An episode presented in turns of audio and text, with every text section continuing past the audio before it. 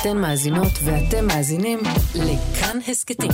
כאן הסכתים, הפודקאסטים של תאגיד השידור הישראלי. שלום, שוב אנחנו כאן, מורשת, בין פרשיות השבוע הזה לבין פרשת השבוע, פרשת בו. אנחנו כאן עם אה, מפיקת העל שלנו, מירב קדוש, עם אה, אסנת הירשנזון כאן מעבר אה, לשמשה, טכנאי השידור שלנו, משה מושקוביץ, ואנוכי ימימה מזרחי, ואני מתרגשת מאוד. עוד לפתוח במילים של ההפטרה, כי הנני מושיעך מרחוק, ואת זרעך מארץ שבים, אומר הקדוש ברוך הוא. וואו, אבל איך זה קשור? זה קרה לפני המון המון זמן, פרשת בו ביום. בעצם היום הזה יצאו כל צבאות השם מארץ מצרים. איך זה רלוונטי לימים שלנו? ובכן, בפרשה הזו, בפרשת בו, מופיע הפסוק הכי אהוב עליי בתורה. אה, ושמרתם את החוקה הזו מימים ימימה. מה המשמעות של המילים המהממות האלה? אתם יכולים לקחת את המילים מימים עברו, ולהעביר אותם ימימה, כמו העירה, כמו קדימה, כמו הביתה, והן יהיו רלוונטיות כל כך, אה, איך אה, כתוב, אה, וליל שימורים לכל בני ישראל לדורותם, יאמר רבי חיים בן עטר, האור החיים, פירוש עד סוף הדורות, בעגלה ובזמן קריב. אה, תשמרו את הסיפור הזה, ושמרתם את החוקה הזו מימים עברו, אה, ימימה, קדימה. זה כל כך רלוונטי, והם יוצאים ממצרים, והפרשה הזו לא שמחה. היא כל כך לא שמחה. וחמושים עלו בני ישראל מארץ מצרים. צבאות השם, השבויים, יוצאים הביתה, אבל הם חסרים מאוד מאוד. וחמושים, רק חמישית יצאה ממצרים. למה? כי היתר נרצחו? לא. מפני שארבע חמישיות, שמונים אחוז, לא רצו לבוא הביתה. הם כן רצו לצאת, אבל הם לא ידעו איך לבוא, מספרת לנו פרשת בו. האם נדע לבוא הביתה אחרי המלחמה? האם נזכור רק לשרוד? האם נזכור גם איך לחיות אנחנו מגיעים חסרים כל כך, חסרי הגדרה עצמית, חסרים אנשים רבים כל כך שנשארו מאחור ולא יחזרו יותר. במובן פרדוקסלי, הם חסרי בית עכשיו, כי גם שם הם ידעו סוג נורא של בית, בית עבדים. לאן הם יחזרו? המלחמה האחרונה השאירה אנשים רבים כל כך בלי בית פיזי לחזור. אליו. נשים רבות כל כך שהבית שלהם נסדק בשכול של בן או אח או בן זוג, פצועים שחוזרים הביתה והגוף שלהם לא שלם כשהיה, או הנפש, מפונים שהפרנסה שלהם הלכה ונחסרה כשהיו רחוקים מהבית, שבויים שחזרו והם חסרים את בני המשפחה והחברים שהשאירו מאחור. לאן הם יבואו בפרשת בו? הם מעדיפים למות בחושך. 80 אחוז. אימא. ואז משה רבנו יראה להם את הלבנה, בפנים לבנות וחברות, והלבנה תלמד את השיעור הראשון לבאים הביתה. תקשיבו, היא אומרת, עברתי בדיוק מה שאתם עברתם. אתם יכולים לראות בחיסרון שלכם עכשיו התמעטות וחסר, אבל באותה מידה אתם יכולים לקרוא לזה חידוש. ולא, זה לא רק טורומונולוגיה, ממש ממש לא. זה השיעור הראשון שיעניק לכם הטבע כשתחזרו הביתה מהמלחמה. את יכולה לחזור הביתה חסרה, מאיש יקר, מבן יקר, מאח. את יכולה לחזור הביתה ולומר, אוקיי, עכשיו זו משפחה חדשה. אנחנו נפגוש את הירח הזה בשיעור המפעים שלו, והוא יגיד, ההתמעטות יכולה לגרום לי לרצות להישאר בחושך. מה זה הירח העגום הזה? בואו נברך עליו. בואו נראה את ההתחסרות הזו כהתחדשות. נכון, זה לא אותו הבית, אבל בואו, אומרת פרשת בו, בואו ננסה להחזיר לעצמנו את תחושת החידוש ואת תחושת היופי. אנחנו בואכה ט"ו בשבט ומברכים רק על פרי שלם, לא מברכים על חצי דבר, מברכים על המוגמר, רק על הירח, וזו המצווה הראשונה בתורה. עם ישראל מצווה לברך עליו בחסרונו. בורא נפשות רבות וחסרונן. למה עשית לנו את זה? להחיות בהם כל מה שבראת, להחיות בהם נפש כל חי. בבקשה, אומרת הלבנה, קחו את החיסרון, תברכו עליו, כך שיהפוך לחידוש מופלא. אמ, את השידור הזה אפשר אה, יהיה לשמוע גם בהסכתים בכאן 11 וגם אה, בספוטיפיי. ועכשיו מוזיקה. הלב שלי נקרא לשניים, מה שלא ראתה שפחה למים, כמו סופה מן הים עולם, כמו תופעה של מרים פועם, ואין תרופה בעולם. הלב שלי מרים ידיים, כבר מועד לא עומד על הרגליים, שבר כלי שאין בו כבר מה, והשמיים הם לי חומה, חבור בתוך הים ביבשה. ורק אתה יכול להפוך מספדי למחול, לזכך את החול, לרכך בי הכל. ורק אתה מבין איך לגשת ללב שלי, משכך כל כאב שבי, מרפא את הלב.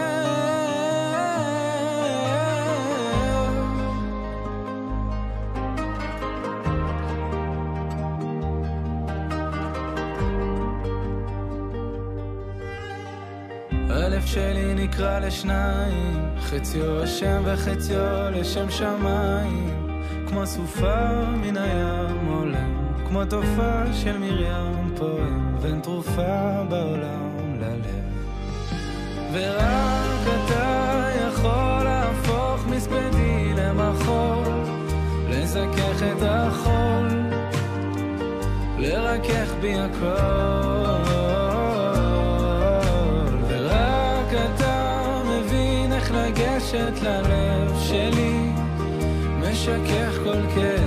כאב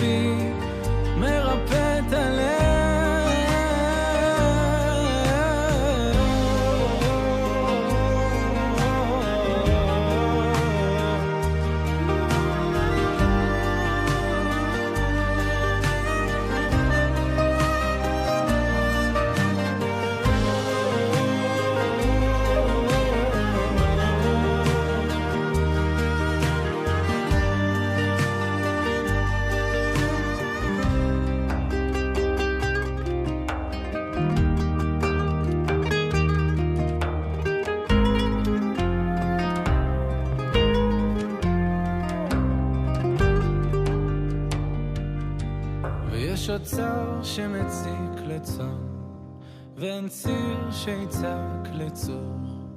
רק אני מול ים שלם ולב שבור. ורק אתה יכול להפוך מספדי למחול, לזכך את החול, לרכך בי הכל.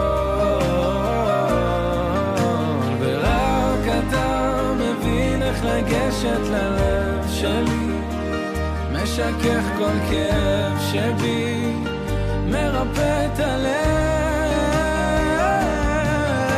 ורק אתה יכול להפוך מספדי למחול, לזכך את החול, לקדש בי הכל, ורק אתה מבין איך לגשת ללב שלי. משכך כל כאב שבי, מרפא את הלב.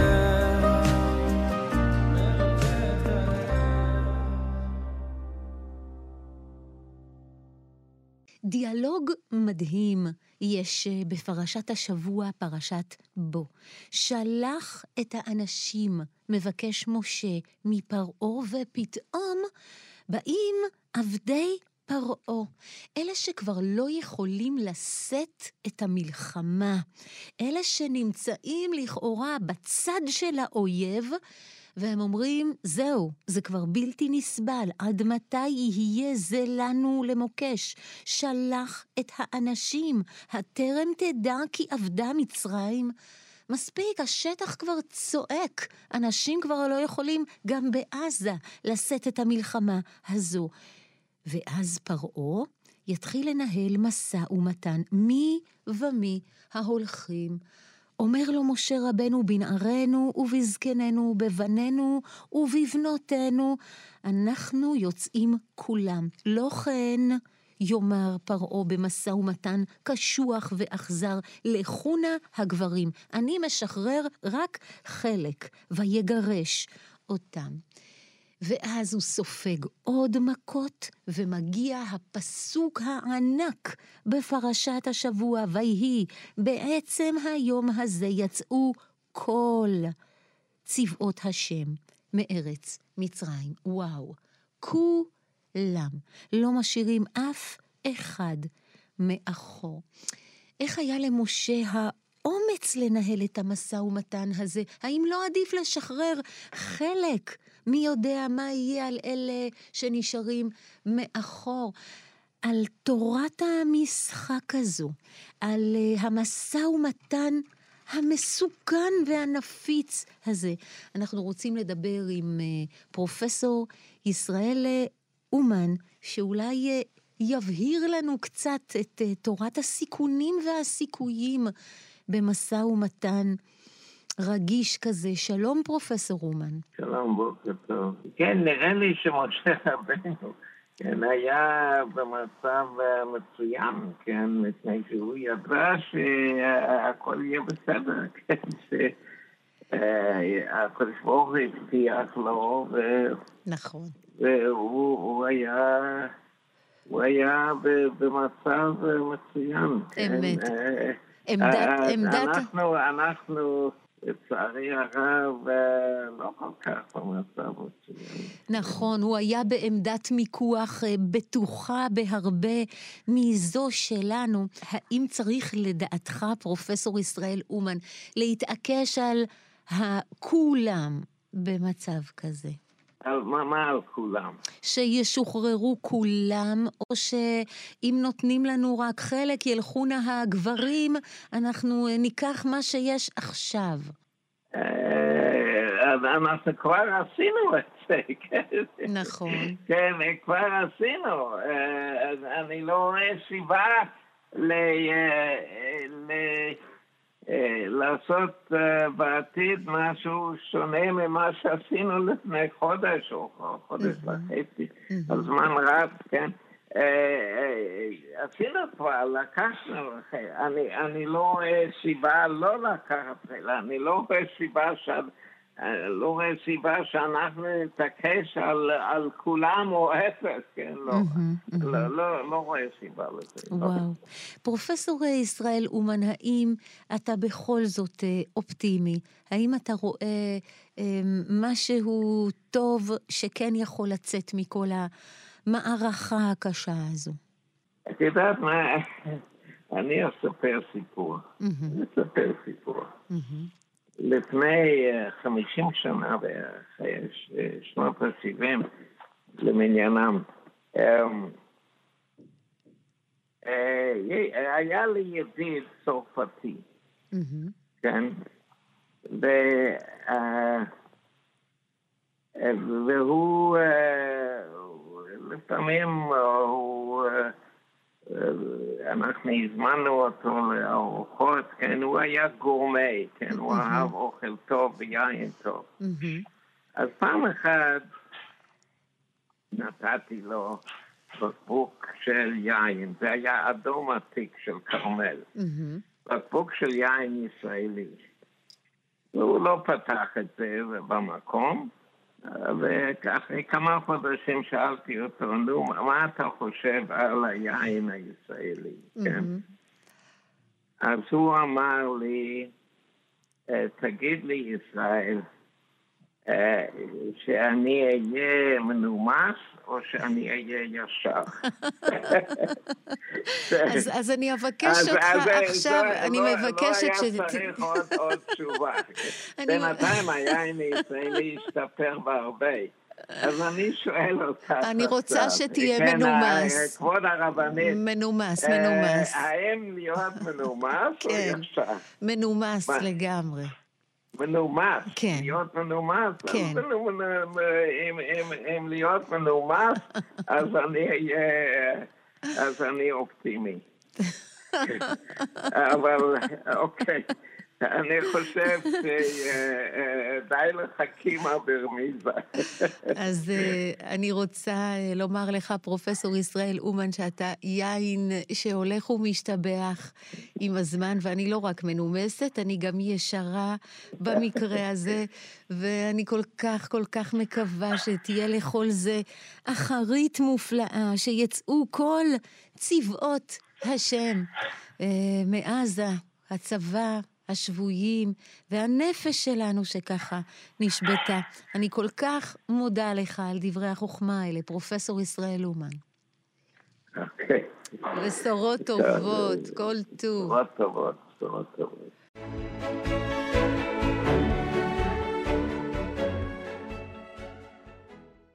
כשפתחנו את חומש שמות, היו הנשים כל כך דומיננטיות. פגשנו ילדות, פגשנו את מרים, את יוכבד, את שפרה, את פועה, את ציפורה.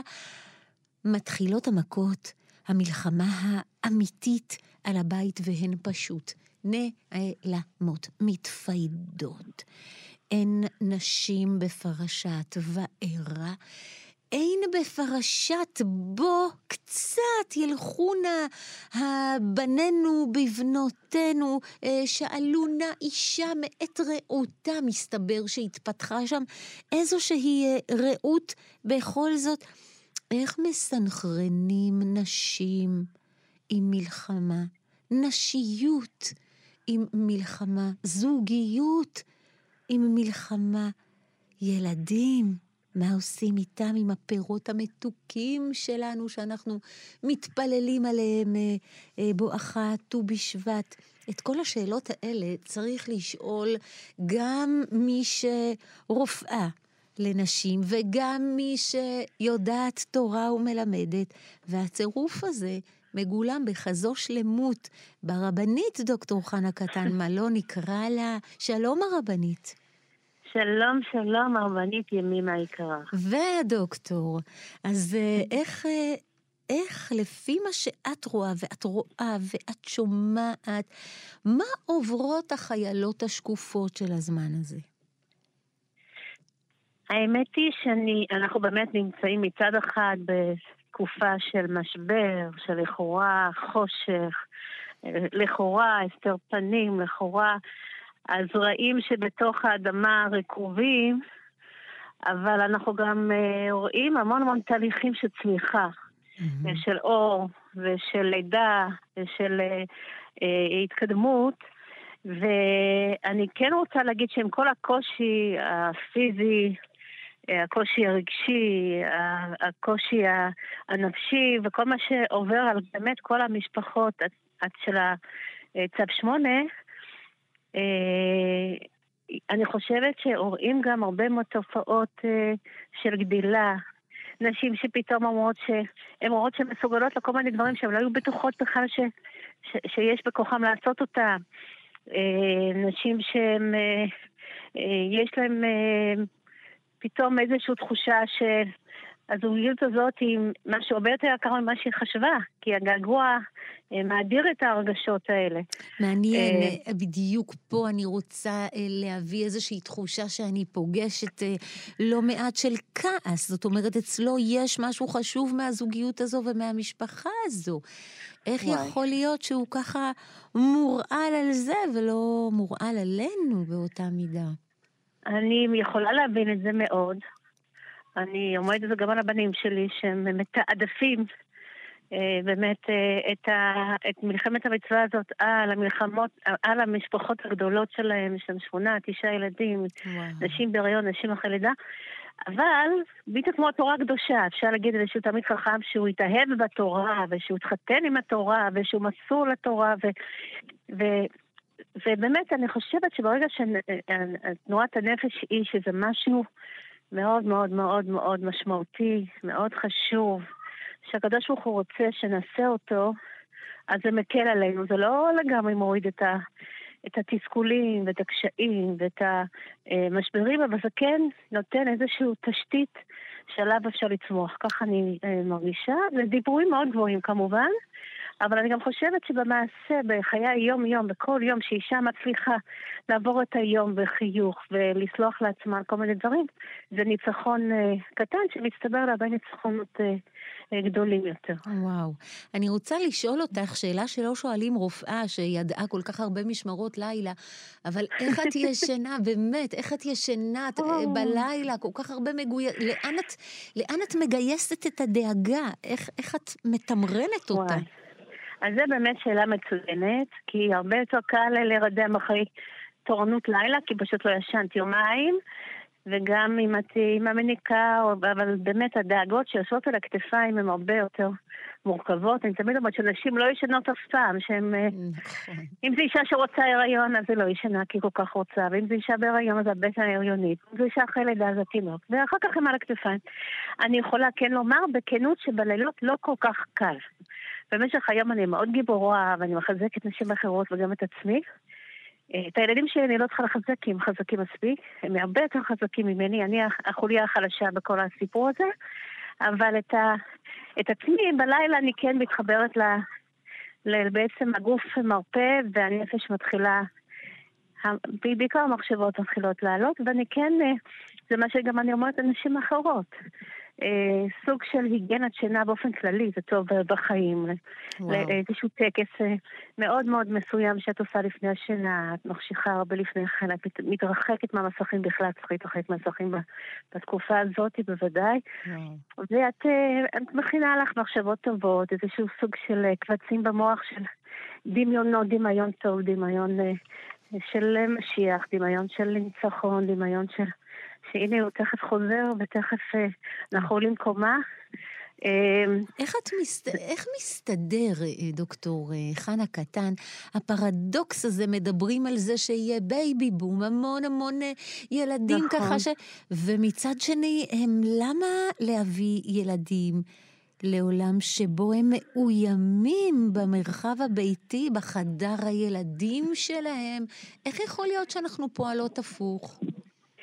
אנחנו פועלות הפוך כי אנחנו עם תאב חיים, ואנחנו לא עם תאב מוות, ובאמת הבאת ילדים לעולם זה הסממן הכי מובהק ומדויק לאופטימיות.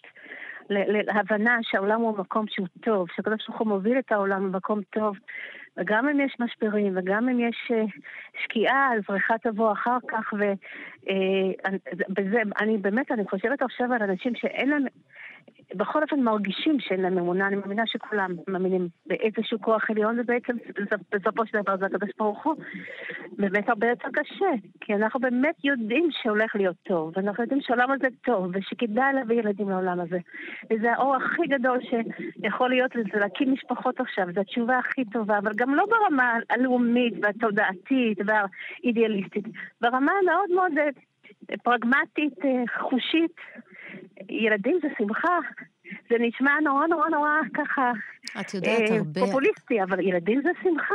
הרבה אלמנות אה, מלחמה, אני שואלת, אז מה מנחם אותך? והיא אומרת, הילדים. נכון.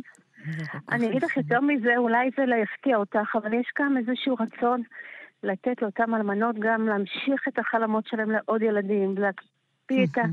את ה... לשמר פריון, שוב, זה לא לעכשיו, אבל כאילו להמשיך, בדרך כלל אישה, גם נשים מאוד מאוד מאוד אה, מאותגרות אה, רפואית, אם אומרים להם שהן עכשיו צריכות לקבל טיפול ואסור להן להרות יותר, הן לא, לא מקבלות את זה. וואו. הנושא של להביא חיים לעולם זה משהו ש... זה קיומי. חזק אני אומרת, מהכל. כן, אז אני אומרת, גם אפילו עם המסר הזה שהוא מאוד שולי, על זה שאלמנות יכולות גם כן להקפיא את השעון בנחת, אה, עד, ש, עד שבאמת אה, תתחזקנה ו, ותהיינה מוכנות באמת לשלב הבא, זה גם כן איזשהו סוג של נחמה פרוטה, אני חושבת שהטכנולוגיה מאפשרת. וואו. סוגיה אתית לא פשוטה. כן, נכון. לגמרי. הרבנית, דוקטור חנה קטן, מים קרים, על נפש עייפה מאוד, אבל נותנת כל כך הרבה. הרבה כוחות, באמת חידשת הרבה מאוד. ואת יודעת מה, בימים האלה זה המילים שצריך לשמוע, בדיוק המילים האלה, של חיות ושל חיים ושל נשיות שמחזיקה מעמד ככה, בכזו גבורה. אז אמ, את רוצה להוסיף אה, איזשהו אה, מסר לנשים? אה, אני כן רוצה להגיד שאני חושבת שכמו במצרים, כמו שהרבנית הקדימה ואמרה, שמשה רבינו בעצם היה עטוף בכל כך הרבה נשים שהצמיחו אותו וגידלו אותו, אם זה באמת אחותו ואימו ואשתו ובתיה, ובאמת הוא כולו היה עטוף בנשים. אז אני חושבת שבאמת הנשים מראות דווקא עכשיו את העוצמה שלהן. אה, ואימא שמחה זה, זה, זה בעל שהוא חזק ועושה את המשימה שלו באמת בלי שום פקפוק ויודע שטוב לה. וגם ילדים שמחים. אני אספר לך רק סיפור קטנצ'יק. אחת הבנות אה, הייתה גרה אצלנו שבעלה היה בצבא, מהמם. ויום אחד אני רואה שהנכד שלי נורא שמח. אז אמרתי לבת אחרת הגדולה, טוב, זה כנראה שהוא יודע שאבא שלו חוזר. היא אמרה, לא אימא, הוא רואה את אימא שלו, הוא רואה שהיא שמחה, וואו, ולכן הוא שמח. וואו, מדהים. זה באמת ככה. נכון, אנחנו ויראליות.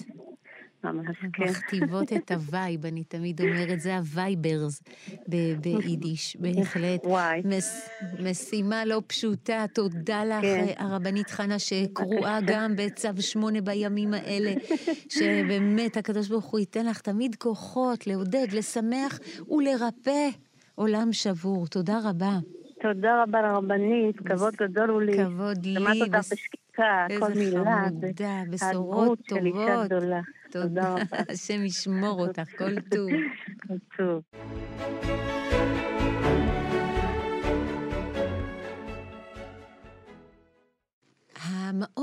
ושמש יאמר שחודש שבט זה הזמן לקבל אל תוכנו אכילה מאוזנת, מפני שבכל פעם שאנחנו אוכלים לא מאוזן, אנחנו קרים מדי או חמים מדי, זאת אומרת רדומים מדי או כעסנים מדי. והפרי צדיק, רבי צדוק הכהן מלובלין יאמר שחודש שבט הוא תיקון הלעיתה. אנחנו מחליפים את הלעיתה. ואת האכילה הזו שהיא ממתח או מדאגה או מבדידות, אנחנו מחליפים את הלעיתה בלעיסה. אנחנו הופכות להיות מאישה לעיתה אה, לאישה לעיתה, לוקחת את הביסים שלה מהחיים אה, לאט לאט. אה, על הקשר בין האכילה לבין האכילה המבורכת, שזו בדיוק הברכה שמנקזת את האוכל, כך לפי חז"ל, במינון הכי נכון.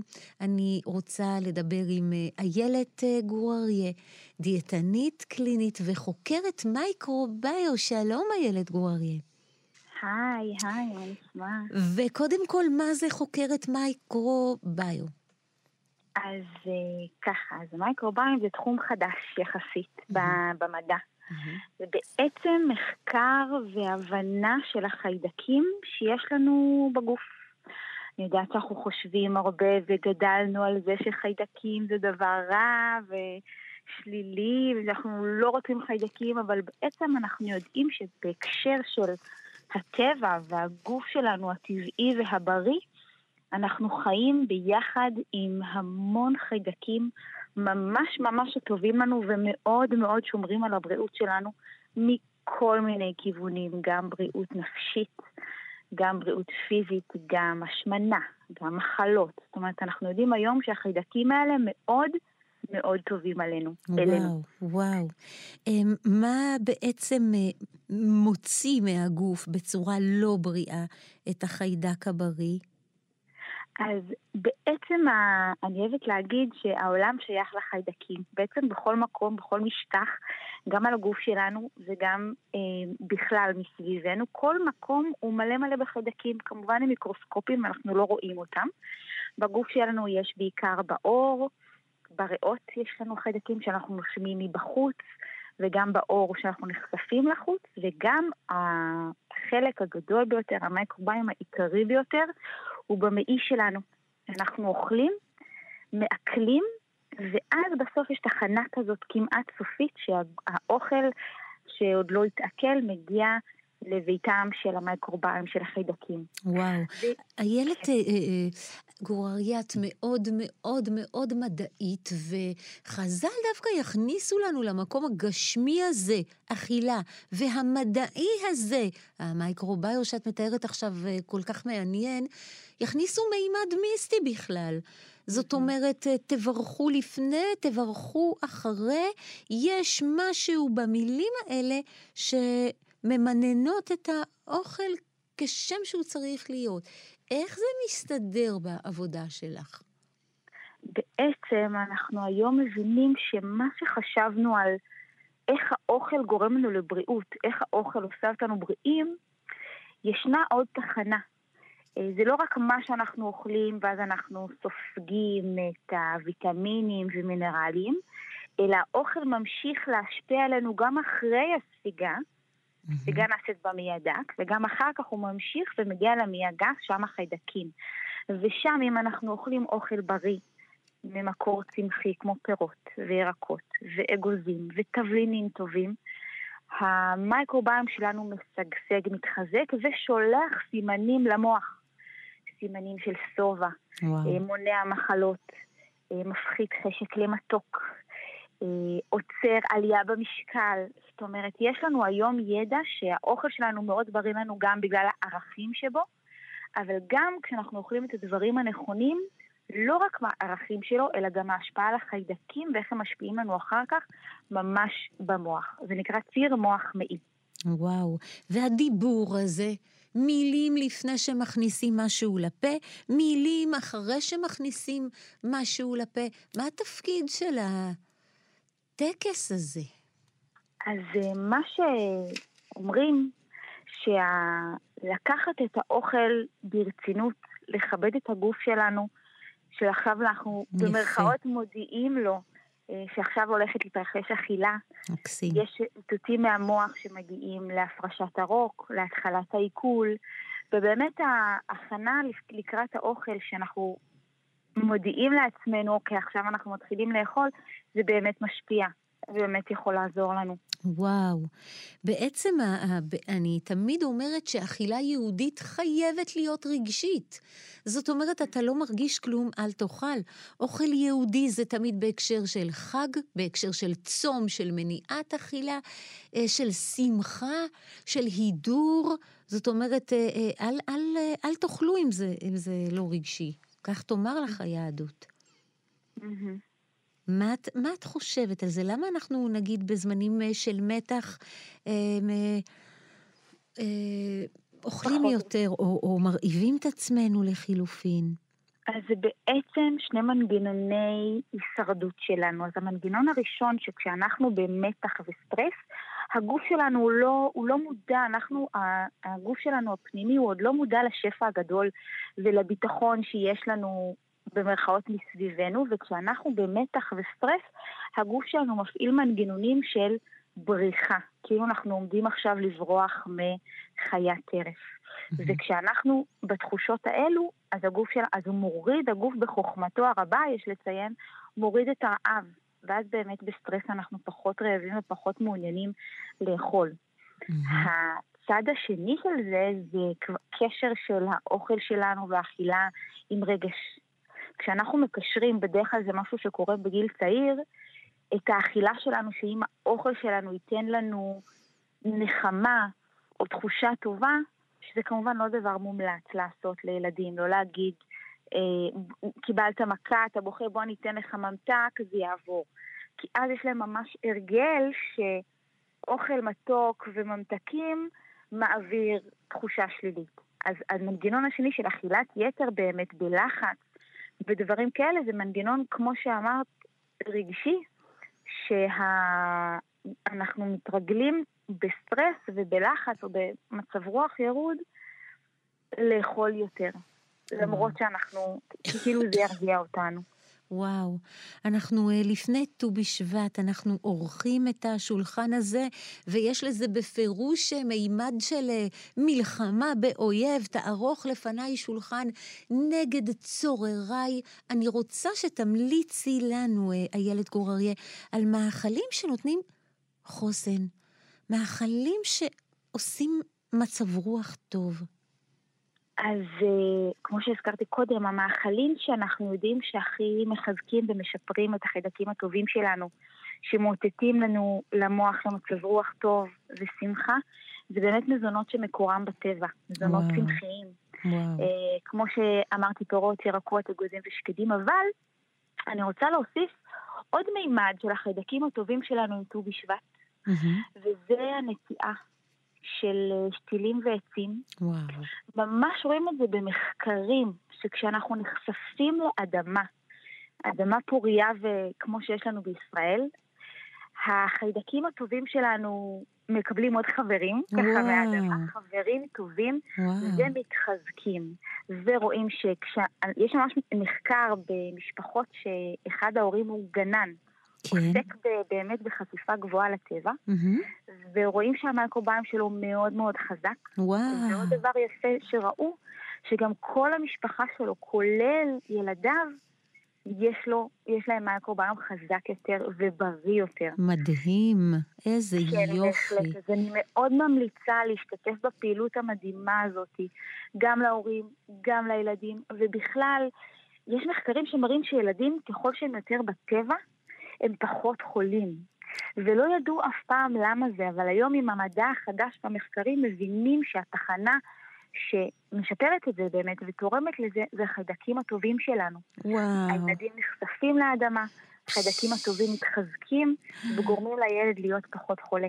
את עושה לי ממש דמעות. אני כל הזמן חושבת על החוסן של יישובי העוטף, של הקיבוצים, של הקיבוצניקיות הישישות האלה. נכון. איך קרה ואיך קורה עדיין שהיא צומחת שוב. ואת אומרת, הקרבה לאדמה. אה, אה, נכון. נותנת כאלה, איזה יופי. זה. ממש מוכח במחקרים, רואים פעם אחר פעם. כן, איזה, כן, ממש ממש. וואו, את יודעת מה? את עושה לי חשק להוריד את העקבים. לא, ימימה, לא, לא לכפור. עם העקבים בבוץ, ללכת ולעשות, איך קוראים למקובלים? מחצדי חקלא. זאת אומרת, החקלאים שלנו, הם, הם יודעים בדיוק מה הם גידולי השדה, ו... ואיך הם מתפללים איתנו העשבים, ומשירת העשבים. בעזרת נכון. השם, יעשה הניגון של כולנו. את פשוט מרתקת עם כל המייקרוביו הזה שלך, איילת גרור אריה. באמת, את uh, שכפלת בנו את החיידקים הטובים. תודה רבה. תודה. תודה רבה שהזמנתם אותי, בשמחה. ט"ו בשבט שמח, היה לנו כיף, תודה רבה. ט"ו בשבט שמח ובריא. ביי.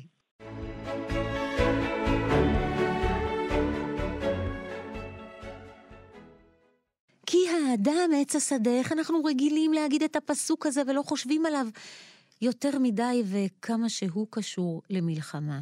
כי תצור אל עיר ימים רבים לתופסה, להילחם עליה. לא תשחית את עצה, לנדוח עליו גרזן. כי האדם עץ השדה, לבוא מפניך במצור.